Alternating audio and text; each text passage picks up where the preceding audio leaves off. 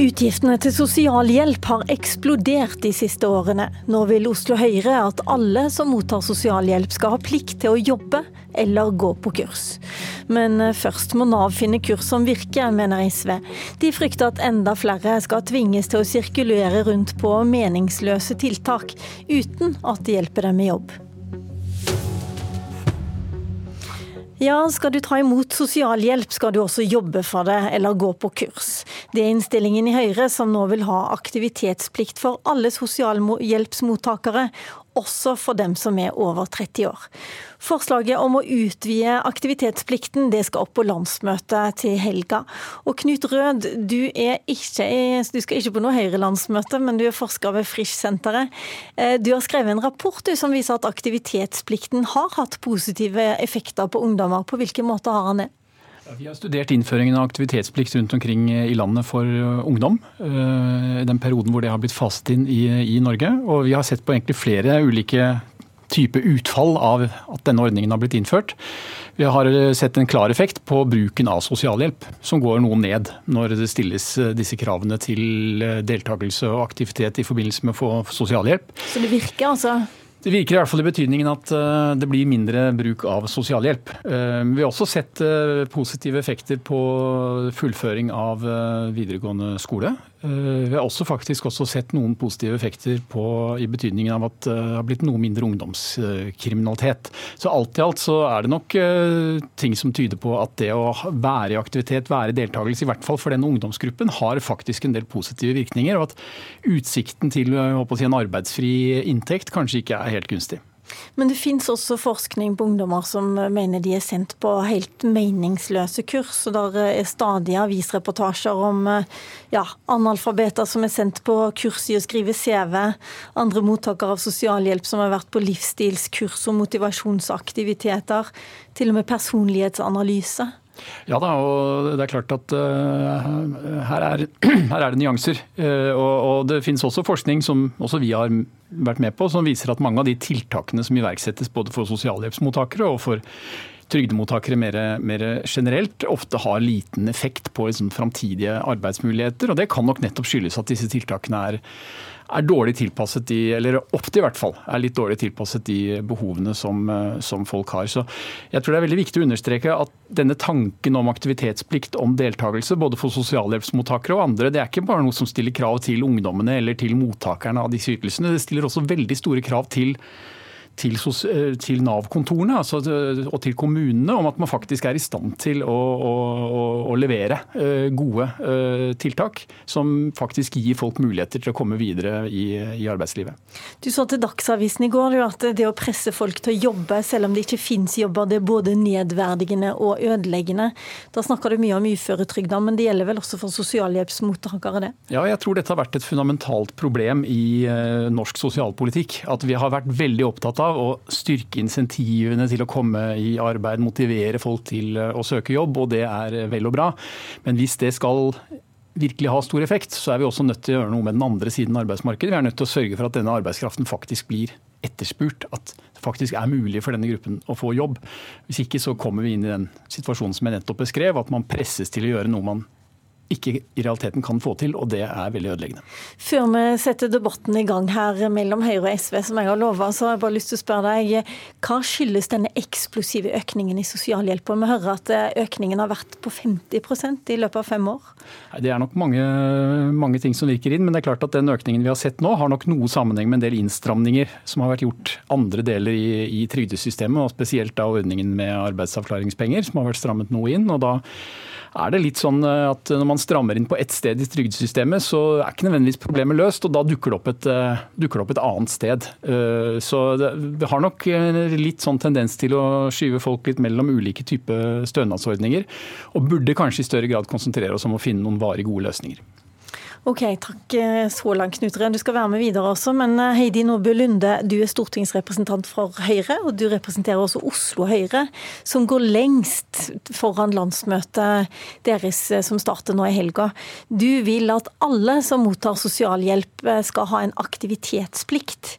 Ikke bare 30-åringene som det er i dag, eller 40-åringene, opptil 40-åringene som et flertall i programkomiteen foreslår. Hvorfor mener du det skal gjelde for alle? Vel, altså, jeg er jo 46 selv, så jeg føler meg jo litt aldersdiskriminert når jeg hører mine kollegaer sier at dette kun skal gjelde for de opp til 40. Men det er klart at det er en egenverdi å ha et, eh, et aktivitetstilbud som sosiale hjelpsmottaker istedenfor å sitte tiltaksløs eh, hjemme. Så skal vi huske på at hvis du er uh, mottaker av sosialhjelp, så er det fordi bl.a. at du muligens ikke kvalifiserer til andre typer ytelser. Er du syk eller er du i ferd med å rehabilitere, så er du gjerne på arbeidsavklaringspenger eller er på vei inn i en uføretrygd. Så det er ikke de vi snakker om. Er, vi snakker om voksne arbeidsføre, i hovedsak mennesker som ikke nødvendigvis har vært i arbeid og kvalifiserer til dagpenger, eller har vært i arbeid og har blitt syke og kvalifiserer til andre ytelser, men arbeidsføre voksne mennesker som har mulighet for å nettopp være på en eller annen aktivitet eller tiltak som kan kanskje hjelpe deg ut eller tilbake igjen i arbeidslivet. Og Det syns jeg er viktig at alle skal kunne få et tilbud om. Så det er en aktivitetsplikt både for den enkelte som mottar eh, sosialhjelp, men det er også en aktivitetsplikt for stat og kommune at vi skal stille opp med meningsfulle aktiviteter. Ok, Men hvis man da er 46 år eller eh, ja, og blir sosialhjelpsmottaker, hva er et meningsfylt eh, tiltak som du vil sette inn da? Noen ganger så kan det være arbeidstrening, og det kan være i butikk. Det har vi mange gode eksempler på. Noen ganger kan det være et kort kurs, f.eks. ta truckførerbevis. Andre ganger så kan det være hjelp til å skrive CV. Jeg har sjøl vært både arbeidsledig og permittert, og det er mange som kritiserer Nav for å holde mange CV-skrivekurs, men det var faktisk noe av det mer nyttige jeg var på. fordi det å klarlegge sin egen kompetanse og innrette det ut, ut til de ulike du søker til, gjør at du blir mer attraktiv og kan selge deg selv som person. Men så er det ikke noe tvil om at vi også har opplevd mange tiltak som ikke virker, eller som vi får tilbakemeldinger på. Eh, men samtidig syns vi det er viktig å prøve ut litt ulike ting, for folk har litt ulike behov. Og så heller skalere opp det som virker, og så skalere ned det vi ser ikke virker. Min okay, favoritt er egentlig du... den som fikk utdannelse som eh, homeopat, som jeg ikke tror på. Men så tenker jeg at det er jo folk som er så teite der ute at de betaler masse penger for å gå til homeopater, så hvorfor ikke? Hva, hvorfor ikke, Karin Andersen, du er stortingsrepresentant for SV? Nei, Først uh, tror jeg vi må si at den store økningen på sosialhjelpa vi ser nå, kommer av innstramminger. Og de som nå har dette ut av arbeidsavklaringspenga før de har blitt avklart, verken for arbeid eller uføretrygd, de har ikke engang kommet inn i statistikken ennå. Så dette, dette er jo en forskjellspolitikk som regjeringa fører. Men grunnen til at eh, vi har vært skeptiske til den, eh, de forslagene fra Høyre, er jo at det er ikke den matchen som Norby Nordby Lunde nå sier, mellom at man får gode tiltak. Altså man blir forplikta til å gå på et eller annet. og mange ganger kan det være greit, noen ganger virker det. Men det er altfor dårlig kvalitet på mange av disse tiltakene. Og det er jo til og med sånn at noen av de som som Nav da gjennom arbeidsavklaringspengene ikke engang har klart å avklare, er veldig syke mennesker, bl.a. med psykisk sykdom. Og der viser jo forskning at denne type aktivitetsplikt uten individuell oppfølging og kvalitetskrav faktisk kan gjøre det verre. Men altså, det sier jo Heidi Nordby Lunde at dette skal jo ikke gjelde for absolutt alle.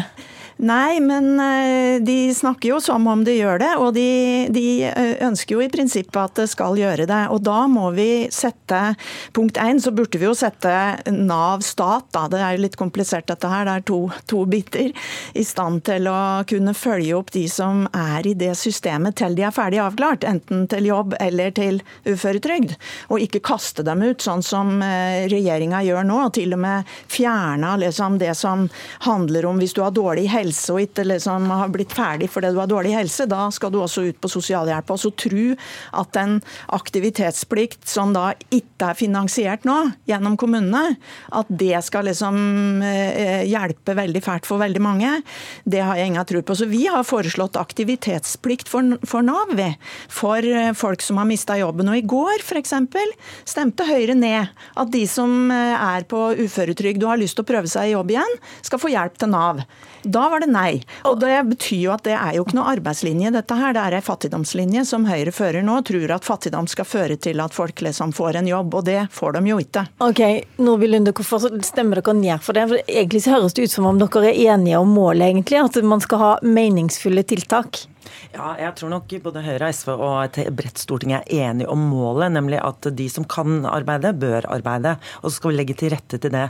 Grunnen til at vi stemmer ned veldig mange forslag i Stortinget fra opposisjonen, er fordi at de foreslår ting som allerede enten er vedtatt under arbeid eller i lovhjemmelen, og at Nav skal stille opp for brukerne sine, uavhengig av om de går på sosialhjelp, uføretrygd eller AAP, eller faller ut av ordninger. Det ligger allerede i, eh, i regulativet. Ja, bare, det, det det, det gjør det jo ikke. For det, her er det jo prioritert de tiltaksmidlene som er altfor små nå også. Det sier jo de som jobber i Nav. De, de, er ikke nok folk til å følge opp folk, til å følge opp de individuelt, sånn som de må.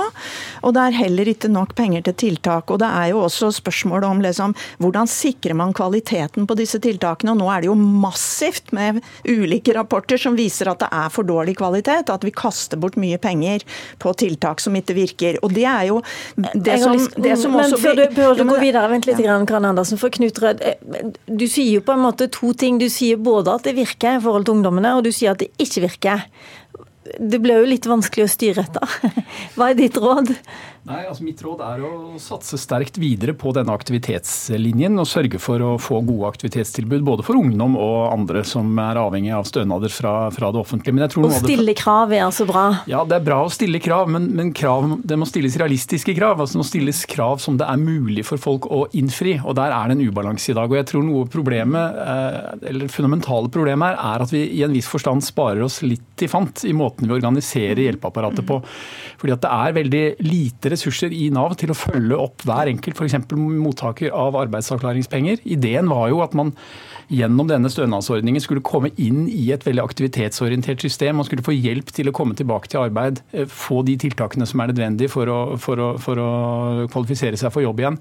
Mens det som i praksis ofte skjer, er at man går bare i årevis uten at noen verdens ting skjer, annet enn at man da får denne, denne stønaden fra, fra, det offentlige. Mm. Så her vil det faktisk lønne mm. seg for samfunnet å bruke mer ressurser på å forebygge utstøting, forebygge varig uføretrygd.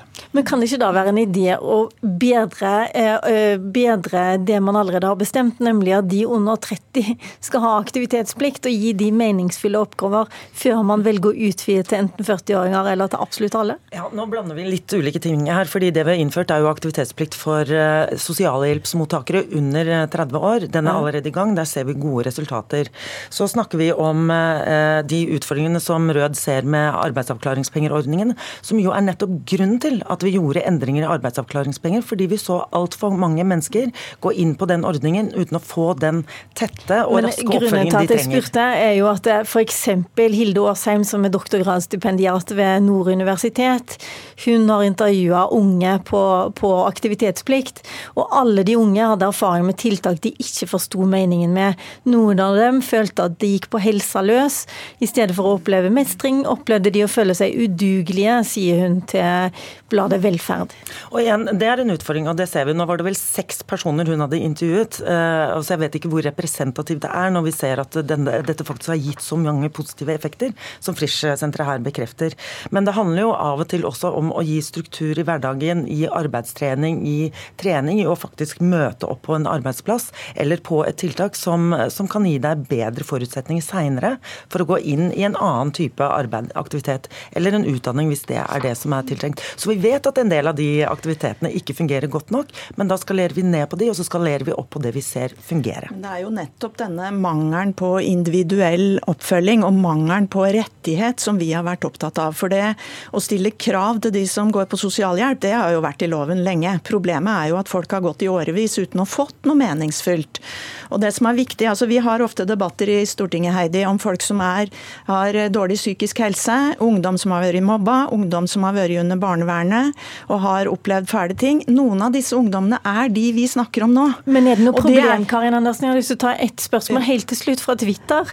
Eh, hva er motargumentet mot eh, å gi et 37,5 times norskkurs i uka for utlendinger som ikke kan norsk og mottar sosialhjelp? Nei, Det må de gjerne få, men vi vil jo gjerne at de skal få bedre norskopplæring og et bedre introduksjonsprogram, slik at de lærer seg norsk der. Det har vi også foreslått, men det vil ikke regjeringa ha. Det er vi i ferd med også gjøre noe med, fordi vi ser at mange av de også har havnet på arbeidsavklaringspenger, som er en ordning de ikke skal være på. Her er det veldig mange ulike ordninger å diskutere videre i mange politiske kvarter, men akkurat dette kvarteret det er over. Takk til Karen Andersen, Heidi Nordbu Lunde og til Knut Rød. Mitt navn det er Lilla Sølhusvik, og Nyhetsmorgen fortsetter selvfølgelig minst en time til.